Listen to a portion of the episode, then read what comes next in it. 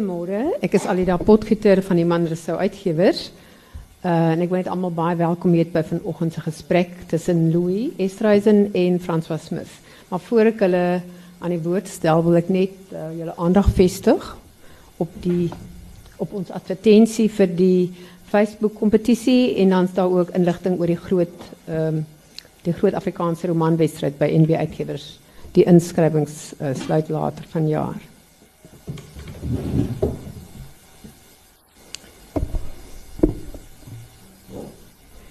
Louis Estreisen is nie slegs bekend as digter nie, hy is ook baie bekend as die belese en entoesiastiese bestuurder van die Protea boekwinkel hier op Stellenbosch en die Saterdagoggend uh, gespreksessies in Swan. Louis in die Vrystaat grootgeword en aan die Universiteit van die Vrystaat studeer. Daarna het hy skool gehou in Bloemfontein, Bethlehem, Pretoria en Rondebosch voordat hy in die boekbedryf beland het as uh, bestuurder van Protea boekwinkel. Hy het 'n klompie jaar gelede saam met sy vrou Marlies Joubert ook die uitstekende webtuiste Vers en Daba gestig. Louise passief om boeke en veral die digkuns te bevorder is altyd vir my 'n inspirasie. Louis het in 1986 gedebuteer met die digbundel Stilstuipe wat op die kort kortlys was vir die rapportprys daardie tyd. En daar het sedertdien nog 9 digbundels uit sy pen verskyn. Sy bundel wat die water onthou is met die Protea Poesieprys bekroon, uh, 'n jaar of 2 gelede. Louis se gespreksgenoot, Dr. François Smith, was 'n hele klompie jaar die boekredakteur by die Burger voordat hy in die uitgewersbedryf betrokke geraak het. Eers 'n tyd lank as redakteur by Tafelberg Uitgewers en daarna as vryskutredakteur en vertaler. Hy het al met van ons bekendste skrywers se manuskripte gewerk in die afrondingsstadium, die redigeringsstadium en hy was ook Louis se redakteur vir hierdie boek. Uh Louis François ons sien uit na julle gesprek. Baie dankie Lida. Baie dankie Louis. Ja, en François, dankie vir daai wonderlike werk as redakteur. Is regtig 'n voorreg om hier te kan sit met jou op die verhoog. Nee, dis my plesier en ek dink vir die meeste van ons uh is is so gewoond daaraan dat jy skrywers bekendstel, dat jy skrywers se werk promoveer, dat jy daar staan en lof besing.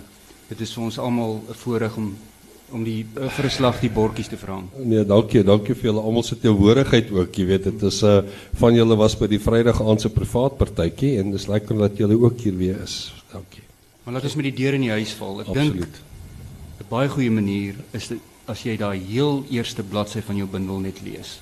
Want dit gee vir ons ehm uh, dink ek in meer as een opsig gevat plek aan wat hierdie bundel is en wat mense kan verwag. Want dit is warm uit die oond, né? Nee? Ja. Ek weet nie hoeveel mense het hom al onder oog gekry. Ek weet nie, so ek sê ek het hom uh 4 uur half so 10 minute voor 4 Vrydagmiddag ontvang van ja. Alida af sy spesiale deurgebring van die Kaap af. En uh ja, so hy is redelik vars. Ehm um, die eerste vers. Okay, dan moet ek net 'n bietjie vertel van uh die opdrag. Ehm um, ek het 'n Nederlandse vriend in Groningen wat al sedert 1995 is ons vriende. En natuurlik is die vriendskap maar gebaseer op uh e-pos uh kommunikasie. En hy is in uh uh sosiale politieke wetenskappe betrokke in volkekunde en so en so hy stel baie belang in Suid-Afrika en die die die die die soort van die sosiale opset. En so het hy dan by uh verskeie geleenthede vir my uitgevra hoe dit voel om in 'n land te woon waar jy konstant gebombardeer word met negatiewe inhoude. Jy weet, mense hoef nie daarop uit te brei nie, maar jy kan die TV aanskakel, die koerant oopmaak, wat ook al. Die heeltyd word jy soort van gestuit in jou entoesiasme. Ehm um, en uh, en eintlik is hierdie bundel 'n antwoord op Chris se vraag van hoe dit is om in 'n land soos Suid-Afrika te woon. Uh die opdrag uh lees daarom dan ook uh vir Marlies uiteraard uh my my vrou en inspirasie en alles wat goed is in my lewe en dan en vir Chris my Nederlandse vriend wat wou weet hoe dit is. En nou Chris het uh, uh hy's ook 'n baie groot musiekkenner. Ehm um, so die daar's ook 'n musiek ding hier waar ons gaan praat waarskynlik wat ook uh respek is teenoor Chris. Maar ek het besluit dan om ook aanklank te vind by wat ek beskou as een van die Nederlandse letterkunde se belangrikste tekste. En dit is het uur u van Martinus Nuyhoff en hierdie vers speel daarmee. Hoe kan jy vertel hoe dit is? Die straat blink wit geskrik een middag laat toe die man aan die bopunt verskyn en die groepie seuns met 'n kartondoos vir paltjies nog altyd krieket speel in die pad. Terwyl twee bejaarde vroue al gesels en verbygestap kom met iewers in die buurt ook nog die moe bouers se geduldige hamerslag monotoon soos die hond se onsekere geblaf toe die vreemdelinge oomblik lank huiwer dan verder. Al met die winterse blaarlose stiltes langs dit is hoe dit is in die tuin waar 'n skeef gedrukte boom houding probeer vind teen aanklagte van heersende wind. Die van julle wat nou nie die uh, die, die teks ehm um, voor die oë het nie dit is eintlik een lang sin wat voortspoel oor aantal kort reels en ritmies daardeur golf en spoel en kabbel en dit was net vir my baie lekker en interessant om te hoor hoe jy dit ritmies lees, hoe dit eintlik in jou gemoed hulle daai ritme en daai klanke hulle aangemeld het. En ja, ek moet sê dit is omtrent 'n gedig wat uit een nie nie regtig nie. Ek oordryf, maar wat in lang lang sinne voortspoel oor ehm um, ja, meer as 100 bladsye. En so en so gaan dit aan. Ja. En dit is iets niets by jou. Dit is iets as jy jy hoef, hoef maar net vinnig hierdeur te baan te sê om te sien dit is wat selfs wat eksterne struktuur aan betref vir jou 'n waterskeiding. Is dit so is dit so nuut? Is dit iets wat jy gewaag het? Is dit 'n groot eksperiment? Wat het ons hier? Frans was ek nou ek kan deel op persoonlike vlak. My my heel eerste manuskrip wat ek ooit in my lewe saamgestel het en ingestuur het vir oorweging vir publikasie was 1980. Uh ek het dit gestuur na uh Perskor daardie tyd. Bartu Smit was die uitgewer en beheer van Perskor. Sy titel was Vlugte. En die struktuur van Vlugte is presies die struktuur van afwesigheid van berge. Dit het bestaan uit drie preludes, voorspele, uh drie hoofbewegings, uh en twee naspele of kodas. Um ek het 'n bundel probeer op musikale terme komponeer wat natuurlik 'n belaglikheid is want taal het 'n kognitiewe konsep daarbey wat wat note of musiek nie het nie. Dit sê natuurlik met opera werk en en so aan. Um Die keerverslag was verpletterend. Uh die keerder het gepraat van dis alles uiterlike vertoon om 'n innerlike magteloosheid te verdoesel. Uh uitgepraat van 'n uh, totale gebrek aan talent, bla bla bla. Ek het my wit geskrik, maar ek het nie ophou skryf nie. Uh 1986 het ek toe uh, wel gedebuteer met Stilstype wat uh mag ek dit sommer nou al sê, is Alida nog hier? Kan jy sit sy? Dit was een van die eerste manuskripte wat Alida hanteer het by Iman Rousseau. Ehm um, en uh en dit is hoekom dit vir my baie spesiaal is om met hierdie bundel weer uh dit by haar dan uit te gegee het ehm um, want sy tree af binnekort. Nietemin Ehm um, so was daar nou hierdie aanloop en het ek daarna 'n soort van meer konvensioneel begin werk. Maar eintlik al my bundels het ek probeer om daai idee van die gedig af as die as die afgeronde soewereine entiteit te ondermyn. Want 'n gedig bestaan nie in isolasie nie. Uh as jy 'n gedig in 'n bundel lees, al die gedigte wat jy vooraf gelees het, resoneer saam met daai vers. Uh en ook die wat jy daarna gaan lees. Jy kan dit amper sien soos uh 'n gedig in 'n bundel is die pieke van 'n bergreeks. Maar hulle hang nie in die lug nie. Hulle is almal geanker in 'n moederrots. Um en vir my is dit daai moederrots wat daai pieke bind wat vir my meer interessant is. En uh met wat die water onthou, dit was my uh voorlaaste bundel, het ek probeer het ek aanvanklik gedink nou gaan ek my droom doen van hierdie aaneenskakelende teks. Ek wil hom so skryf, maar ek het my toe bedink want jy weet nie wat die reaksie gaan wees nie. Mense is gewoond aan losstaande gedigte. En uh toe het ek hom maar opgebreek en elke gedig met 'n dat of 'n 'n voornaamwoord of 'n voegwoord begin. Maar eintlik kan jy wat jy water onthou net as een aaneenlopende teks lees. En toe die bundel 'n redelike uh sukses behaal, die mense hou daarvan, toe dog ek nou goed, met hierdie een gaan ek vir julle gee wat ek eintlik wil doen en dit is om te komponeer met woorde. So dit is 'n aaneenlopende teks. Uh ja. Ons moet nog ons moet nog weer oor musiek praat. Dis 'n groot ding, né? Dit dit maar trekkie terug die titel. Né? Dit klink Dit klink asof jy aan die een kant heel revolusionêr te werk gaan en aan die ander kant is hier al 'n titel wat half Bybels klink, né? Is is ek reg? En dan net die onderafdelings soos hulle gelys word in die inhoudsopgawe dan ook 'n bedevaartslied. Hmm. Ehm um, hooglied, 'n hooglied en 'n danklied. Ja. Alles Bybelse ja, ja. terme. Wil jy iets oor oor die titel sê? Ja, ehm um, Kyk, die hele bundel is uh werk op kontrapunt en harmonie. Ehm um, so jy het heeltyd stelling teenstelling en dan sintese. Ehm um, en die afwesigheid van berge uh, moet jy dus ook uh tweeduidig lees. Aan die een kant natuurlik Bybels, in die Bybelse tye was die berge waarheen jy heen gevlug het, dit is waar die beveiliging was, dis waar die beskerming was dit is waar ook die die die die troepe gekom het om jou te kom beskerm as jy op die vlakte aangeval word.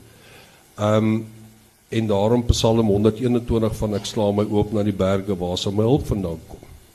Ehm um, in die afwesigheid van berge is jy dus uitgelewer aan jouself. Uh jy het nie hulp wat jy te wagte kan wees nie. Ons leef in baie moeilike tye uh met opset het ek in hierdie soos onthou dat hierdie uh teks is 'n poging om my vraag te antwoord van hoe dit voel om in 'n land soos Suid-Afrika te woon.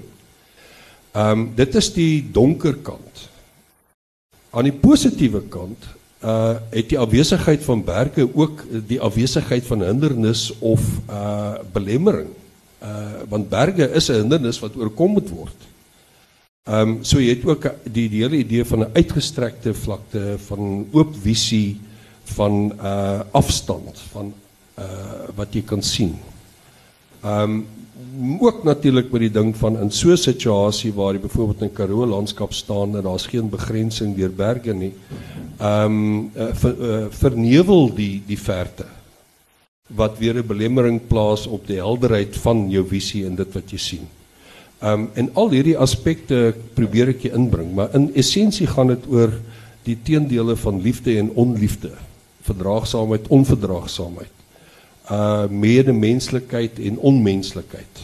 Um want dit is die die die die kwessies waarmee ek dink ons uh in 'n groot mate uh gekonfronteer word in ons land waar daar soveel verskillende realiteite bestaan.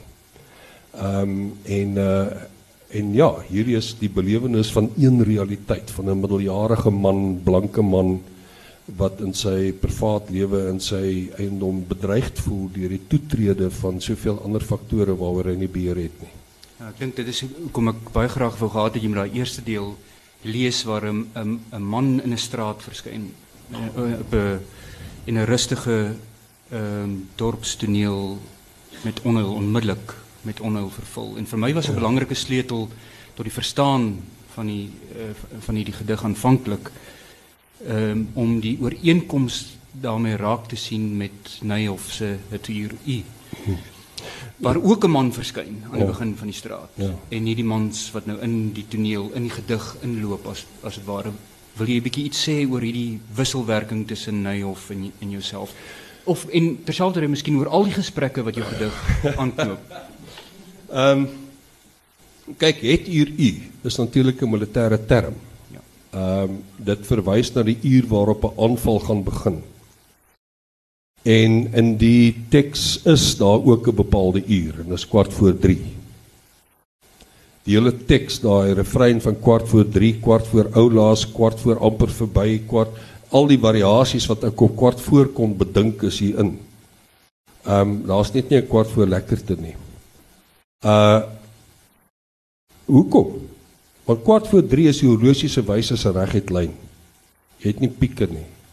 Dit is die afwesigheid van berge. Uh en in het hier u van Martinus Neyhoff is daar natuurlik ook 'n bepaalde tyd. Ehm um, en die man wat afgestap kom het ek al gesê is ambivalent. Hy kan enerzijds die dood wees, hy kan anderzijds 'n Christus figuur wees of die verlosser.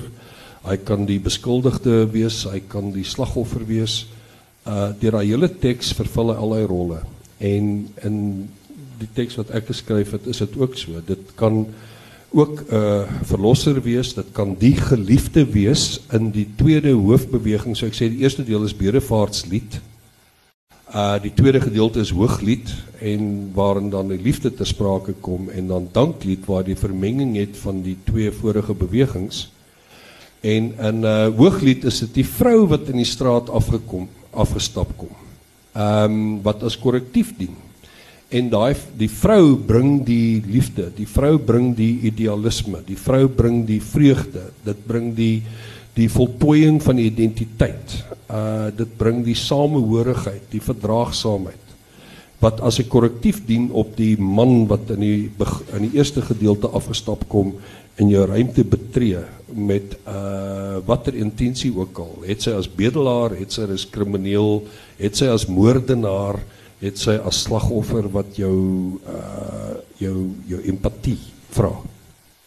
Um en so dit is die skakeling tussen die twee tekste. Maar in 'n groot mate is dit maar 'n kopknik na my Nederlandse vriend dat ek vir Neyhoff betrek het en dan werk met die idee van die ander wat dan klein lettertjie is as medemens maar ook die hoofletter as God. Ja, die uh, opvallende verschil tussen jouw gedig en Nijhoff's, en, en dit is zeker ook een antwoord op je Nederlandse vriendse vraag, is dat de mens uh, uh, met Nijhoff's vers een uh, baie meer universele um, strekking vermoedt. Correct. Terwijl jouw is baie lokaal, ja. is een baie specifieke Zuid-Afrikaanse context wat dit ja. oproept. Ja. Een paar wat in hulle slaap oorval word deur inbreker. Ja. Ehm um, Daai omskakeling was vir jou baie doelbewus, nê? Nee. Ja. Ehm um, ek glo dat die digkuns reflekteer ook die emosionele landskap wat dit voortbring. Uh die emosie of die toon van die vers is vir my nog altyd baie belangrik. En uh uh en dit is dan wat ek deurlopend probeer handhaaf het in hierdie teks ook. En omdat dit so dan fokus op die aktualiteit van die tyd waarbinne ons leef en waarmee ons gekonfronteer word en waarbinne ons onsself moet posisioneer het dit dus 'n baie sterk lokale aktuele gevoel met opset. Ehm um, die hele ding van ruimtes waarna jy ook nou by implikasie daar verwys was my ook geweldig belangrik. Soos ek sê ek het deurgangs probeer werk met teenstellende elemente. Ehm um, en die ruimtes wissel van die binneruimte, 'n kamer, 'n bed, 'n huis, 'n liefde, gekoesterde ruimte, ook na 'n buiteruimte, 'n landskap, 'n 'n 'n 'n politieke konteks, 'n geskiedenis. Ehm um, die grensoorlog, die uh ensovoorts ensovoorts. So ek ek ek het ook die hele tyd gespeel met die teenstellende elemente van die die klein moment en die groot moment, die klein intieme binneruimte teenoor die groter wye ruimte. Ehm um, en dit alles is uh in daai spel om dit baie sterk ook te fokus in die hede. Want uh aan die begin van die wel is 'n refrein wat deurloop is watter woord gaan ons bevry? Ehm um, dit's ook 'n teks wat soek na 'n woord. Uh hy kan op verskillende maniere gelees word. Dis jy seel wat uh woordeboek inskrywings Uh in die eerste afdeling hoofgedig die Bedevaartslied is die woord is revolver want dit gaan oor geweld. Dit gaan oor om dood te maak. Daai hele afdeling. Um die tweede gedeelte hooglied handel oor die liefde en daarom's die liefde daar. Uh as woordinskrywing uit die Woordeboek met al sy sy hele volledige ding. En dan aan danklied het jy nou weer die kwessie van die vyand want dis waar die integrasie van die twee kom uh waar die uh so ek sê die ander uh na vore kom en dan eindig dit met die met die aantal woorde gids jette Uh en volgens die Woordeboek is hulle almal sublimasies van God, Gods en Here en almal verband hou met Hede. Dit was my interessant, want die Hede om in die moment te wees.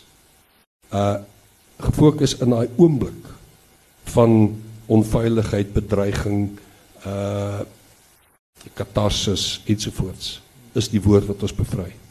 Die Hede. En ek het daai woordeboek dink daar's 3 van hulle en elke keer dan verwys die woordeboek jou vergelyk met Hede. Ehm um, so dit alles hou maar verband daarmee Frans, maar ekskuus ek het nou baie van jou aanvanklike vraag afgedwaal. Nee nee nee nee, dit is ja. en dit gee my ook onmiddellik 'n nuwe uh, vraag want toe ek dit aanvanklik ehm um, ja ook jou teks die eerste keer moes interpreteer en moet moes sin kry daaruit. Um, was een van die vrae vir my, maar my magtie, hoe kry jy dit reg om dit alles bymekaar te hou? Hoe kry jy dit reg om die leser te betrek en voort te sleur oor 100 meer bladsye sonder dat jy die verposings van eenhede uh um, het, uh, het en een van die dinge en jy kan vir my nou sê Ek dink jy moet 'n bietjie terugkom na die hele musiek ding ook. Maar een van die goeters is dat hierdie ook 'n storie is. Dis 'n verhaal wat deur ruimtes waarin ruimtes 'n baie belangrike rol speel. Dis 'n verhaal ook van 'n spesifieke man. Wil jy 'n bietjie sê oor hoe wat was die problematiek van om om eenheid te bewerkstellig en samehang en 'n soort van uh, verhaallyn ook. Hoe het jy dit reg gekry? Ehm um, um, Want dit is 'n storie. Hierdie is ook 'n storie. Wil jy bietjie ja, Wil jy sê wat die storie is? Kan ek vir in die eerste plek moet ek vir jou by sê dat hierdie bundel het ek nie enkele jare gelede aan begin werk nie. Ehm um, in 'n groot mate dink ek bestaan hierdie teks uit gedeeltes wat nie by vorige bundels gepas het nie. Uh van die die eerste geskrewe stukke hierso uh, gaan waarskynlik terug na mm, 2000 2001. Ehm um, toe ek nou begin werk en besef dat ek wil hierdie ding nou komponeer in my kop, jy weet, soos wat ek nou die ding wil struktureer. Het ek geweet ek gaan moet werk met teenstellings, ek gaan moet werk met uh oorskakelings. Ehm um, maar die toon is wat die die die die toon van die teks is wat vir my dit so ek sê dis daai moederrots. Dit's waar uit jy gaan bou. Dit het ek probeer kry. En uh en met my laaste pogings tot bindel jy weet het ek met veral van wat die water af onthou het ek begin voel ek ek kan so toon handhaaf want jy werk met klank jy werk ook met konteks nê nee, en jy wil die konteks verwissel ehm um,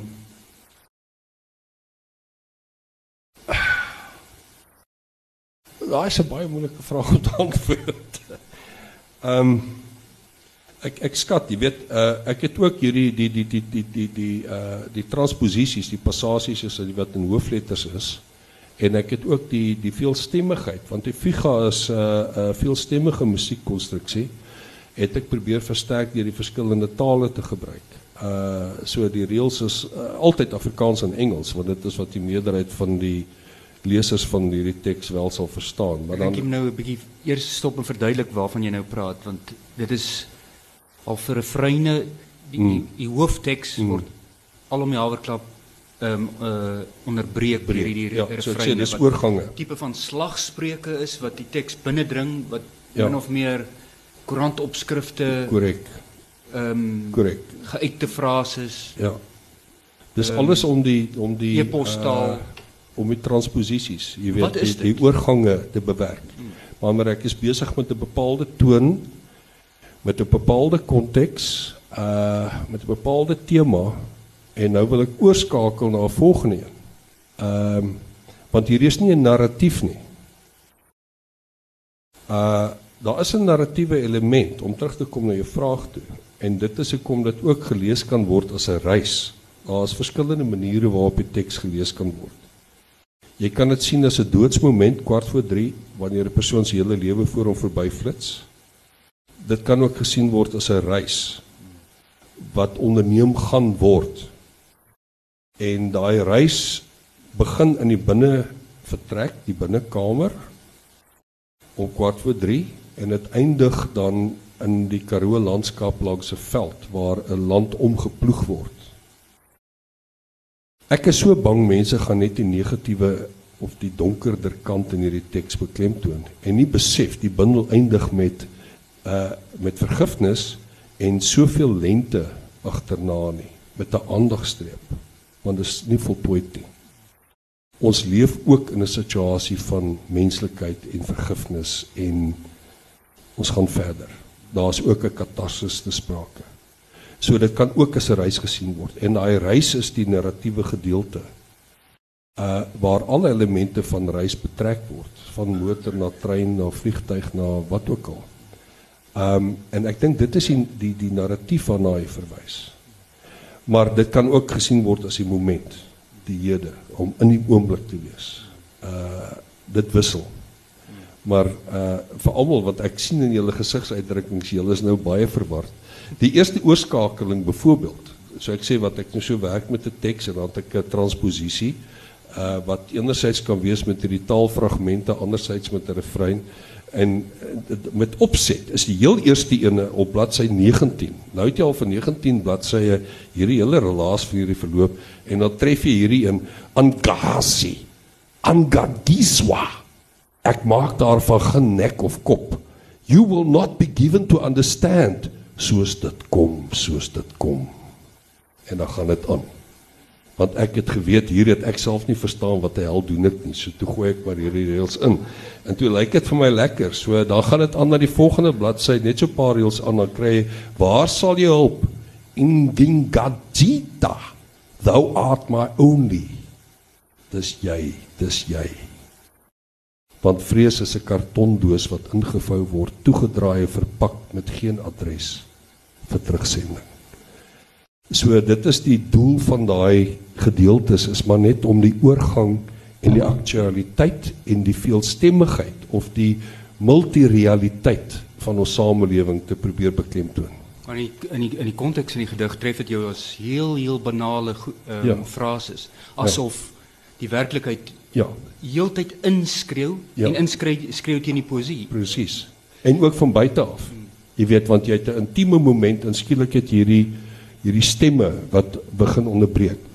Mense kan dalk maar seker dink ook aan 'n Griekse tragedie hier met die ry en wat kommentaar lewer en want die die die stukke wat ek gekies het as oorgange hou natuurlik ook op 'n mate dikwels ironiese manier verband met dit wat beskryf word. Ek wil 'n bietjie druk oor hierdie uh positiewe noot waarop jy afgestem is uiteindelik want mens moet nogal deur donker te gaan. en wel as die berge nie so het nie uitsig nie. En ja en en nou hooplik insig. Ja. Ja, dit dit ek wil hê jy moet 'n bietjie uh, daaroor hardop dink want as jy mens kyk wat 'n bedevaartslied is en dit is een van die hoofmomente van hierdie um, gedigsiklus van jou is 'n bedevaartslied is wat gesing is deur mense op pad na 'n heilige plek. As jy dit van toepassing maak en probeer verstaan hoe dit hier werk, dan sien jy eintlik dis daardie moment van iemand, die spreker in die poesie, die digter onderweg na die dood. Daai heilige plek is die dood. Lees ek dit reg? Wel, dis een manier om dit te lees. Uh kyk, jy moet ook besef dat die heiliges het altyd in die berge gewoon. So jy het die koue berg gaan uitklim om by die mentor of die guru te kom. Jou bedevaart was dikwels dan na bergplekke. En uh dis hoekom ek graag dan ook in hierdie uh, ons het nog hier daaroor gesels nie en ek wil dit baie graag uitlig wat vir my bepaalde moment in hierdie hele teks is.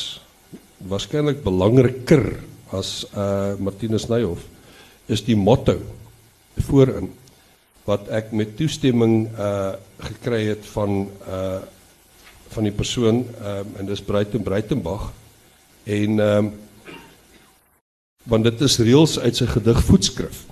En hierdie reëls is wat vir my ek ek het ek het geweet wat ek wil doen, maar ek het nie geweet hoe om dit te doen nie. En toe ek hierdie reels gelees het en toevallig was dit op verse daarbo waar daar 'n gesprek was en iemand verwys het hierna wat ek weer daai bundel uitgehaal het en toe ek daai reels lees en uh en Breiten het toegestem dat uh ek hierdie reels mag gebruik en baie dankie daarvoor want dit dink ek vat alles saam. Ek lees dit graag vir. Ek wil na die rand te gaan waar die alwyne brand soos aas vir die sterre waar die mure vestings bou om 'n bruid waar 'n vinger in die stof die seisoene voorspel. Ek wil die hemelruim betas. Ek wil op die aarde lê. Ek wil die berge sien loop. Ek wil leef soos net die dood nog kan lewe. Nou daarom is hierdie heilige plek, die pelgrimsreis waarvan jy praat, kan gesien word as die dood. Maar dit is ook die lewe. Dit is ook 'n hergeboorte. Dit is ook 'n katarsis. Dit is ook 'n konfrontasie met jou demone, met jou donkerte in jouself, met jou angs, met jou paniek, met dit wat jou bedreig, dit in die oog kyk. En dan tot 'n vergelyk kom. En dis waar die liefde vir my belangrik is, want die liefde is dit wat jou uh, identiteit onder lê. Dit is wat jou vermeerder in dit wat jy is. Dit is wat jou ervaring vermeerder in dit wat dit is. Dit is wat vir jou die aanklank gee en verruim. En dit is daai verruiming wat belangrik is. Dis hoekom die bundel eindig met 'n verruiming van 'n reis deur 'n Karoo landskap. Uh en eindig by 'n land uh wat omgeploeg word. Want dit staan in teenstelling tot die binnekamer waar die teks begin om kwart voor 3 waar iemand met revolvers en gewere jou aanval in jou in jou slaap. Uh dis waar die reiselement kom, dis waar die verruiming vandaan kom, dit is waar die hoop vandaan kom. Wat is ons daai hoop verloor, dan is ons verlore Franswa. Ehm um, jy weet dit is dit is nie altyd plesierige dinge nie, maar ek glo uiteindelik deur die liefde uh, wat is liefde? Liefde is onverdiende begenadiging. Uh En dit is kom die liefde 'n belangrike moment is en daarom hierdie reëls van van van Breitenberg wat vir my geweldig is van om 'n vesting te bou om die bruid. Ja. Uh ja. Ge, ge, gepraat van vestings. Ek dink op daardie noot moet jy daar by die woord voeg en as ehm um, bladsy 62 net 'n illustrasie van uh die liriese toppunt uh, van hierdie teks dink ek Louis um, en dit is dink ek in die gedeelte waar die leser begin agterkom dat een van die bolwerke wat beskikbaar is vir die mens, vir die digter, vir wie ook al teen die dood, teen die bedreiging is die liefde.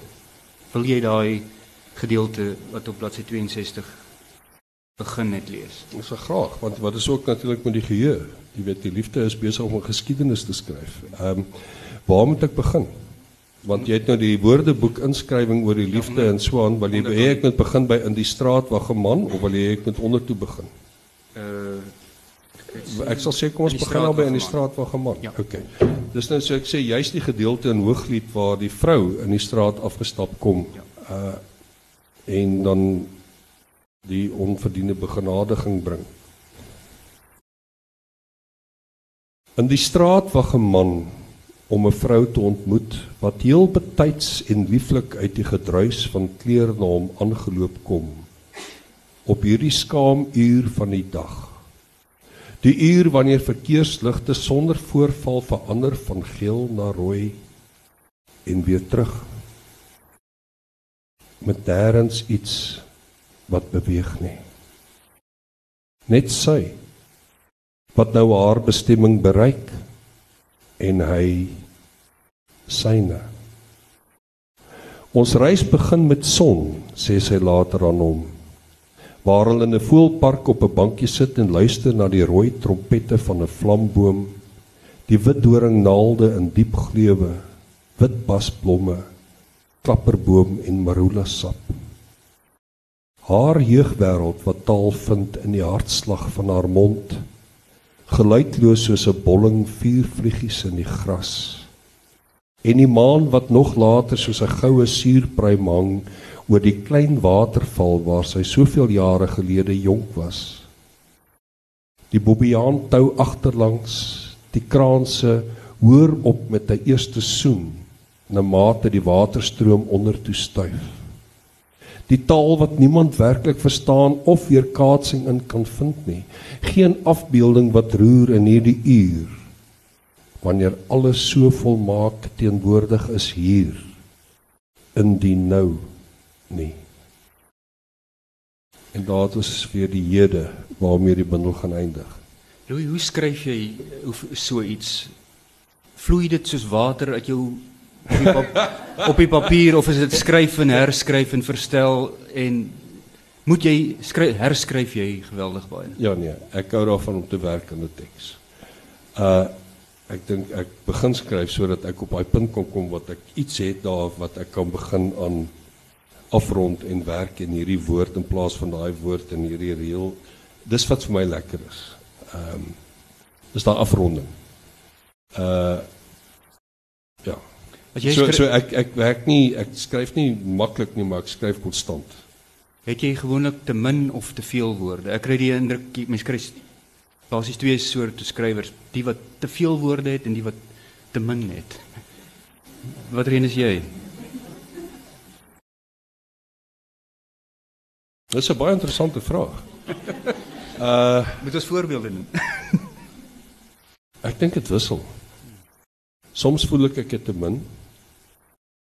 Uh die bundel waarmee ek op die oomblik werk, gaan beslis te min hê dit kan nie meer so lank neerskryf omdat hierdie in so baie het. Al die woorde opgekom. Uh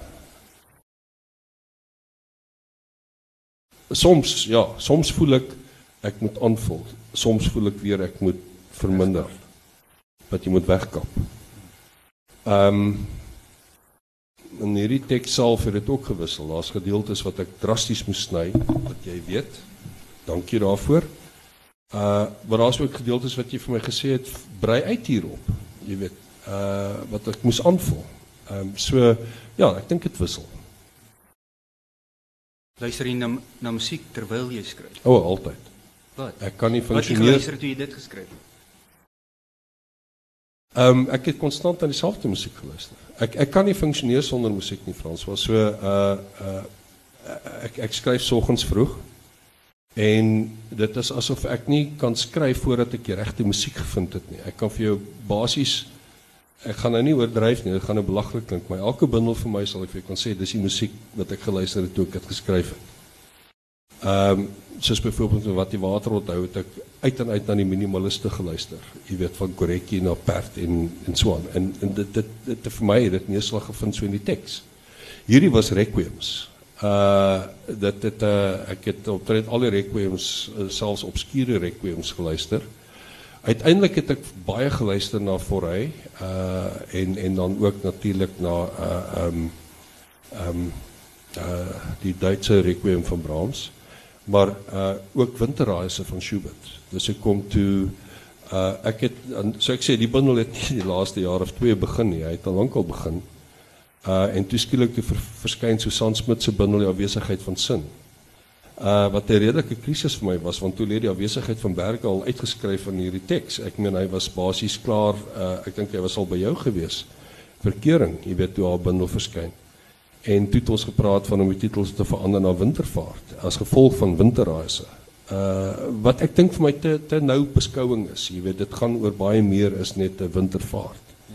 Uh dis vir my te negatief in die konteks want afwesigheid van berge het ook vir my iets positiefs. Jy weet, iets wat afwesig is beteken nie dit bestaan nie. Dis net dat dit nie daar is op daai oomblik nie. Ek hou my oog so 'n bietjie op die horlosie. Um, hmm. Miskien laaste vraag. Uh ons het nou 'n bietjie gepraat oor Neyhof wat 'n uh, bepalende invloed was. Wie lees jy deesdae en watter digters het steeds 'n besondere invloed op jou? Kyk, hierdie teks is uh dalk ongewoon in Afrikaans. Maar is nie uniek nie.